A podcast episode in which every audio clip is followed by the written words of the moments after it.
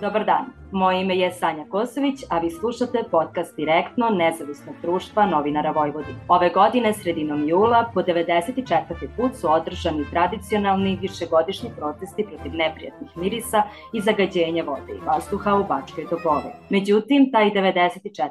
protest bio je i poslednji do dalje. Iako su zagađenja i neprijatne mirisi i dalje prisutni u Bačkoj Topoli i okolnim mestima, građana više nema na ulicama da se bune protiv tog zagađenja. Razlog protesta je ni više ni manje nego nezainteresovanost građana. Upravo zbog toga u okviru nove epizode podcasta Direktno bavimo se građanskim inicijativama. Koliko je važno pokretanje građanskih inicijativa i zašto građani neretko gube motivaciju? Tom prilikom danas razgovaram sa mojim gostima. Predstavila bih za početak aktivistu ekološkog pokreta iz Bačke Topole, Petera Červenaka. Dobar dan. Dobar dan svima. E, I Katarinom Đukić iz organizacije Građanske inicijative. Dobar dan i u moje ime, hvala na pozivu. E, u suštini za početak, samim tim što je i povod ovog razgovora protesti iz Bačke Topole, ja bih voljela da mi Petar odgovori na pitanje, mi kažete malo više o samoj inicijativi, šta je uopšte građane podstaklo na protest? Pa ja sam slučajno zamenuo preminulog prethodnog predsednika, gospodin Pečurica je pokrenuo sve ovo. Naime, imamo e, više slojne probleme. Jedan izvor smrada je žibel koji svojim tehnološkim procesima, e, nepotpunom e, čišćavanjem tih otpadnih mirisa, tehnološkim procesima stvaraju nesnosne smradove. No, to nije kao miris crkotine, nego to je nešto stvarno nesnošljivo. A sa druge strane, svi industrijski zagađivači e, južno od Bačke Topole, a to su dve klanice, Topiko i, i Topola, i Žibel su bez ispuštanja svoje otpadne vode upuštali u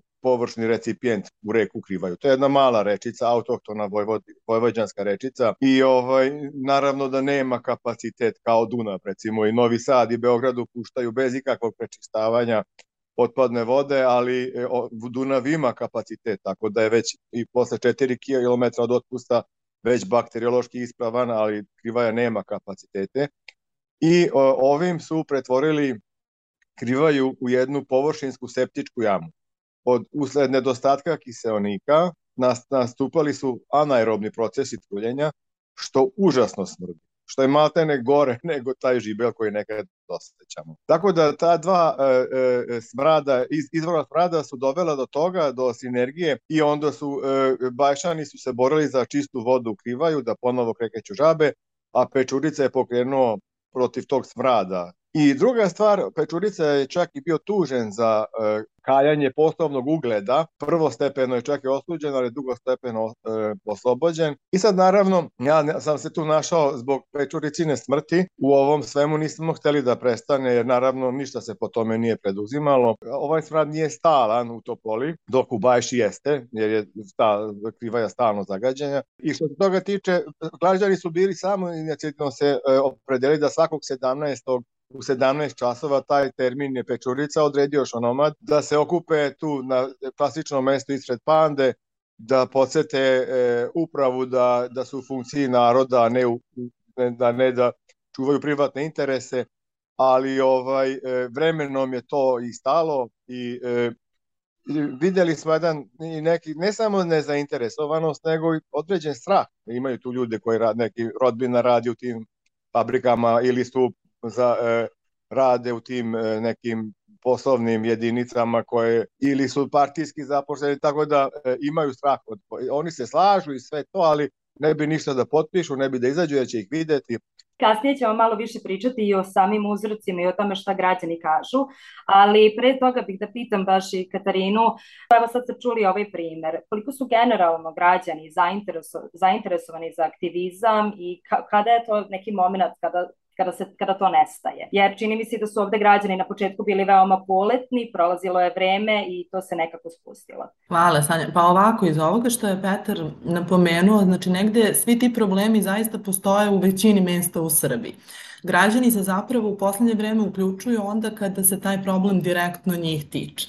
S tim što ono što je zapravo tu najveći problem jeste ta nedovoljna povezanost između aktivista i građana. Znači ne kažem da vi niste samim tim što ste pravili proteste svakog petka u pet uh, uticali na, na same građane da se uključe, ali negde mislim da je zapravo najveći problem to što nije postojala nek, nek, nije postojao sistem koordinacije između vas i, na primjer, nekih aktivista koji su radili neke druge teme. Znači, mi smo uspeli za svo ovo vreme koliko radimo sa lokalnim aktivistima po terenu, negde da to mapiramo kao najveći problem, taj nedostatak umrežavanja i taj nedostatak solidarnosti. Videli smo čak i na ovom primeru kada su bili ovi ekološki protesti da su se zapravo građani uključivali onda kada su videli da nisu sami i kada su videli da nisu zapravo prepušteni sami sebi.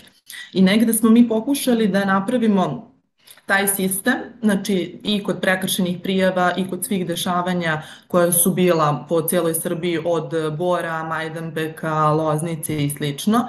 I mislim da nismo zapravo uspeli da mapiramo sve do kraja, jer iskreno da budem, ja zaista prvi put čujem za proteste koji se dešavaju u Bačkoj Topoli, a shvatila sam da ih je bilo preko 90 puta. S tim što mislim da nam tu treba povezanost eh, ne samo sa aktivistima, već i sa stručnom javnošću i medijima. I mislim da je to zapravo taj nedostatak umrežavanja ono što je najveći problem.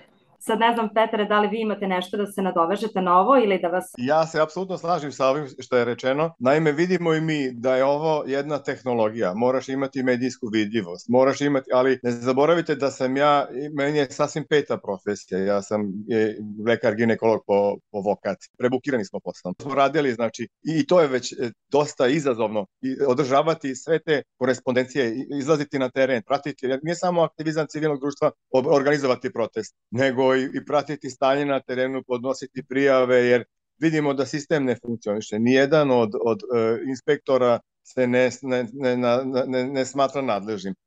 I zato smo i osnovali civilnu asocijaciju ZOR, sve zajedno izvodno sakrivaju, znači to, e, civilne organizacije iz Malog Iđoša, iz Srbobrana, iz Vrbasa, iz Subotice, Kule, znači tako, e, to je osnovano i mogu da kažem puno pomaže, jer da sam ostao sam ovde u Topoli, video bih koliko sam stvarno nemoćan, jer stvarno ovde je lokalno jako velika nezainteresovanost, dok su recimo srbobranci mnogo uspešniji po tom pitanju, oni su imali i neke uspešne akcije da, da se okonča zagađivanje krivaje, tako da puno pomažemo jedni drugima i tapšemo se po ramenima. I ovo je stvarno ponižavajuće, ovo je kao neki sizifovski posao ili, ili ono kad orao kljuca jetru pa mu pola ovo Ja se izvinjam, ali e, to se negde dešava manje više u cijeloj Srbiji, u svim mestima gde su ljudi odlučili da se pokrenu ili da podignu neke proteste. Aktivizam nisu samo protesti, daleko od toga i to je ovo što ste malo prepomenuli. Znači, taj rad inspekcije koja ne dolazi, ta institucionalna borba, pored tog izlaska na teren i mobilizacije i okupljanja građana zapravo je mnogo važno, a to ljudi nekako sve više i više zaboravljaju zato što više prosto nemaju veru u institucije. S tim što Ja svaki put napominjem da ukoliko vi nemate taj moment institucionalne borbe, vi posle nemate način da izvršite veći pritisak. Ukoliko vi dobijete neku odluku inspekcije, ukoliko vi zabeležite da inspekcija nije izašla na teren i slično, vi posle imate argumentaciju za to šta se dalje dešava i za sve akcije koje dalje pokrećete.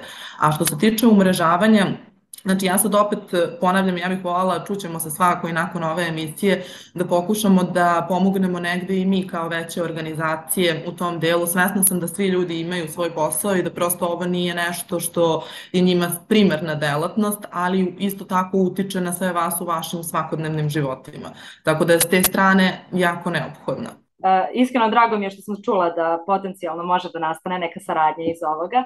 Pre toga bih da opet postavim pitanje Peteru, šta je ono što su rekli građani? Jer verujem da je, mislim, manja lokalna sredina pa da ljudi komuniciraju jedni sa drugima. Šta je ono što je bio neki uzrok te nezainteresovanosti? Mi smo imali jako velike nade u mlade, ali ni to nije zaživelo u Topoli. A, a to je stvarno globalni prepoznat pro, problem na svetskom nivou, u Davosu se o njemu raspravlja, ali omladina, mladi gimnazijalci, imamo gimnaziju, nisu mogli, nisu uspeli mlade da motivišu po tom pitanju.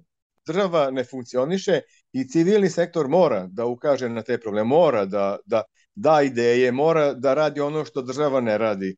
I, i, i, i to je ono što stvarno, a, a ono što je tehnologija, a mi to nemamo tako iskustvo, to je ova medijska, to, je, to su web strane, to je Facebook prezentacija, a nisu veliki novci pokrenuti te, mislim, deca su mi u tom, pa, pa sam nešto čuo od njih, te reklame na Facebooku, pa događaj, ali to je jedna tehnologija meni već sasvim strana. Ja sam odrastao na ZX Spectrum, ne znam da znate šta je to. To je 64 kilobajta jedna mašinica, tako da tehnologija me pregazila, imam taj osjećaj. Ali znate kako, tu je potrebna negde i ta stručna javnost i mislim da bi malo drugačije bilo i kada bi se neki stručni ljudi koji imaju iskustvo u prečišćivanju i u zagađenosti voda uključili, pa bi onda oni dali sa jedne strane njihovo mišljenje koje bi vi onda dalje mogli da iskoristite na drugačiji način kao način pritiska.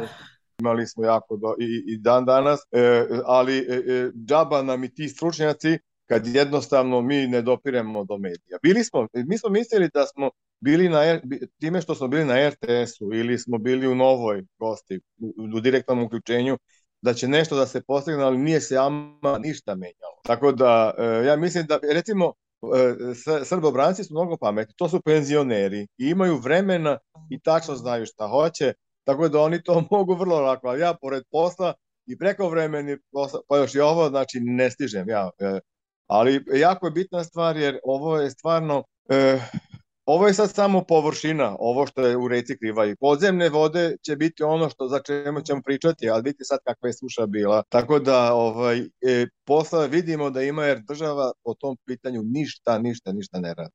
Potrudit ćemo se da motivišemo mlade pa da mogu bar da vam pomognu u tome, ako ništa. E, evo sad jedno pitanje koje se nadovezuje na oba vaša odgovora, a to je čiji je zadatak da motiviše građane. Da li je to zadatak samih građana ili je to zadatak recimo nevladinih organizacija ili nekih udruženja? Ko, ko je tu zadužen pod navodnicima za to? Može Katarina da počne pa kasnije Petar. Hvala. Zapravo, iskreno da vam kažem, nema tu sad onog čiji je zadatak. Znači, građani se organizuju zapravo onda kada uoče neki problem ili kada E, oni su tu zapravo da ukažu na probleme sa korupcijom, sa time da institucije ne funkcionišu i slično. Velike organizacije, civilni sektor je tu zapravo da pomogne tim građanima u svemu tome. Ali zapravo, znači ono što ja stalno ističem, e, ne treba civilni sektor da bude taj koji je nosilac borbe. Znači, to jeste zapravo na građanima. Mi smo zaista tu da pomognemo u onoj meri u, kome, u kojoj mi možemo, u kojoj to pruže naše znanje, ekspertize i slično. Ali ja bi stvarno negde tu, tu borbu naglasila da je to borba pojedinaca i građana iz lokalnih mesta, kao u ovom slučaju e, Petera i građana iz Bačke Topole. Znači ja ću zaista se potruditi da budem tu za svaku sugestiju, pomoć i sve što im bude bilo neophodno, s tim što To vam je on čuvena parola građani imaju moć. I ja zaista negde verujem u to i bila sam svedok različitih situacija po Srbiji gde je zaista, gde su građani zaista uspeli da se izbore da se neki njihov problem reši. I mislim da je to zapravo način da se ljudi rastraše i da samo postanu svesni da prosto nisu sami. I negde uloga civilnog sektora jeste da građani budu svesni da nisu sami, da ćemo mi biti tu za njih, da ćemo im pružiti određenu vrstu pomoći i da ćemo prosto napraviti taj nek sistem solidarnosti gde će svi onda moći zapravo da se aktivnije uključuju u sve procese koji se dešavaju. E, da li možda imate nešto da se nadovežete? Vidim nedostatak te kritičke misli i ne samo nedostatak nego strah iskazivanja, što je možda samo privid da nema kritičke misli. Sa ovog aspekta našeg član 74 Ustava Republike Srbije garantuje zdravu životnu sredinu ima težinu samo WC papira. I onda o čemu da pričam? I onda kad me izvrdava jedan inspektor koji je pravno potkovan i sroči mi neki odgovor koji ja treba da analiziram pravno, a nemam kapacitete za to, mada latinski znam jer sam lekar, ali ovaj, ja mislim da bi, to, to, to je ono najveće problem, svi ste čitali Kafku i proces, znači to kad se uđe taj pravni diskurs, tu se skrene, tu se zamuljavi nešto i tu obični smrtnici ne znaju o čemu se radi. Znači, pravo mora da bude e, prvo efikasnije i dostupnije i javno, znači na osnovu čega, i mora da svakog podjednako da važi, a ne samo za poneki. I tu imamo najveći problem, nemamo pravnike da nam pomognu, da nam ukažu, da nam sroče odgovor, jer inspektori se međusobno samo prepucavaju, nije moja nadložnost, onog, onog, onog, i onda se i umoriš pisući sve te, mada je to sad već nažalost copy-paste, samo copy-paste, jer smo već imali podneske. Tako da to je neko moje viđenje. Jasno, ali to je upravo ono o čemu sam pričala malo pre. Mora da postoji taj sistem koordinacije i između medija, i između stručne javnosti, i između pravnih timova različitih organizacija kako bi zapravo aktivisti i dobili tu vrstu pomoći. Što se tiče onog što ste malo prepomenuli, jeste taj strah nešto što nekako parališe ljude i zašto se oni zapravo ne uključuju u toj meri u kojoj bi možda trebalo. Ali sam pritisak javnosti zaista može da napravi taj moment rastrašivanja građana. I pritisak javnosti i pritisak zajednice, jer zapravo samo usled pritiska zajednice institucije mogu da da popuste i zapravo da urade stvari koje bi trebalo da urade po zakonu. Tako da ja opet napomenjem, mislim da je tu taj sistem koordinacije između aktivista širom Srbije neophodan. Samo treba poštovati zakon i da se ukaže da se ne poštuje, jer tako jedino može. Džono, Topiko je upuštao ono što je upuštao, izašao inspektor, pogledao, njihov, e, sva, e, znači svaki zagađivač mora da ima neki plan kako će da smanji to. Svoj, a to je neke kao sastavni nivou trećeg razreda osnovne škole. I e, taj plan Topiko svoj sobstveni nije poštovao, pa su ih tužili i, i sad su bili sudski procesi i valjda su već okončani, ali su morali da plate. Znači, samo treba da se pokrene da taj inspektor da izađe i da napravi zapis. I to je to. E, nažalost, polako nam ističe vreme, pa da još malo krenemo, još malo da pokrijemo, barem još dva važna pitanja koja želim da pitam, a to je malo pre ste pominjali pritiske i strah građana. Pitanje je baš za e, Katarinu, koliko često su ti pritisci prisutni i koliko često ti pritisci u stvari su prepreka baš da bi se održale građanske inicijative i šta raditi protiv toga? Iskreno da vam kažem, evo vi ste u proteklih godinu dana znači, imali preko 100 različitih pritisaka na aktiviste, od čega su neki bili verbalni, neki su čak bili fizički.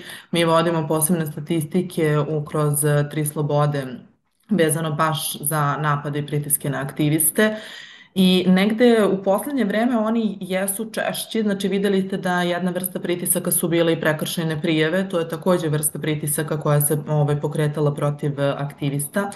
Tim što, iskreno da vam kažem, ono što je moje iskustvo na terenu je da ljudi nekako kada, kada dobiju prekršajnu prijavu ili kada ove, dođe do nekog fizičkog napada ili nešto slično. Nekako u njima proradite ono što ja često kažem, taj srpski inat i negde oni sve češće i češće neće da odustanu upravo zbog toga. Međutim, ove, mi smo uspeli da napravimo negde taj tim advokata i pravne pomoći koji je uvek tu za aktiviste u slučaju da se desi neki napad, tako da je to bio jedan od mehanizama da mi pokušamo da zaštitimo aktiviste na terenu i to je ono što stalno ponavljam, i što mi je jako važno, a to je da aktivisti shvate i sami građani da nisu sami, da će uvek biti tu neko ko će pokušati da ih zaštiti na neki način. Tako da smo mi negde napravili, kažem opet, taj sistem koordinacije i tu neku pravnu pomoć koja zapravo može da pomogne samim aktivistima prilikom zastrašivanja. Petar, da li vi možda imate nešto da se nadovežete ili da kažete možda neki konkretan primer, osim onoga što ste pominjali za pečuricu? Pa e, e, ne, na mene nije vršen nikakav pritisak, jer ja imam tu privilegiju da sam e, e, stvarno esencijalna radna snaga e, i radim u državnoj ustanovi, tako da ne mogu da mi preti otkazom ili tako nečim, jer inače bi morali da zatvore ustanove. Imamo manja kadra. Tako da ja ne, možda su pokušali da vrše pritisak, ali ja to nisam tako doživeo uopšte. To je bilo nešto sasvim, ovaj, e, no, nisam tako doživeo. Bilo je neki tu prepiski preko Facebooka, ali bože moj, pa to je po meni bila samo razmena mišljenja. Ali pomenuo sam Pečuricu da je ovaj stvarno podneta krivična prijava protiv njega i postoje takve ovaj načini da se e, diskretno preti, znamo gde ti radi sin, gde ti ovo, nemoj ti tu ništa, recimo druga stvar, evo sad je sad je ovaj mesni samo doprinos treba da se izglasa nedelju referendum. Niko ništa po tom pitanju nije pravio ra, javnu raspravu ili bilo šta. I onda opet, ali vidim da, e, da na Facebooku je zanimljiva tema i ljudi su se e, pokrenuli po tom pitanju, shvataju da od svojih plata će im se odbiti neka sredstva koje će ko zna za šta iskoristiti a nisu obračunali ni prethodni samo doprinos šta su radili, a nije bila ni javna rasprava, što je elementarno po meni po ovakvom nekom pitanju, ali bože moj, to o tom potom. Slušali ste podcast Direktno u kom sam razgovarala o građanskim inicijativama sa Katarinom Đukić iz organizacije Građanske inicijative i sa Petrom Červenakom iz ekološkog pokreta iz Bačke Topole. Ova emisija je realizovana uz finansijsku pomoć programa tranzicione saradnje Republike Češke.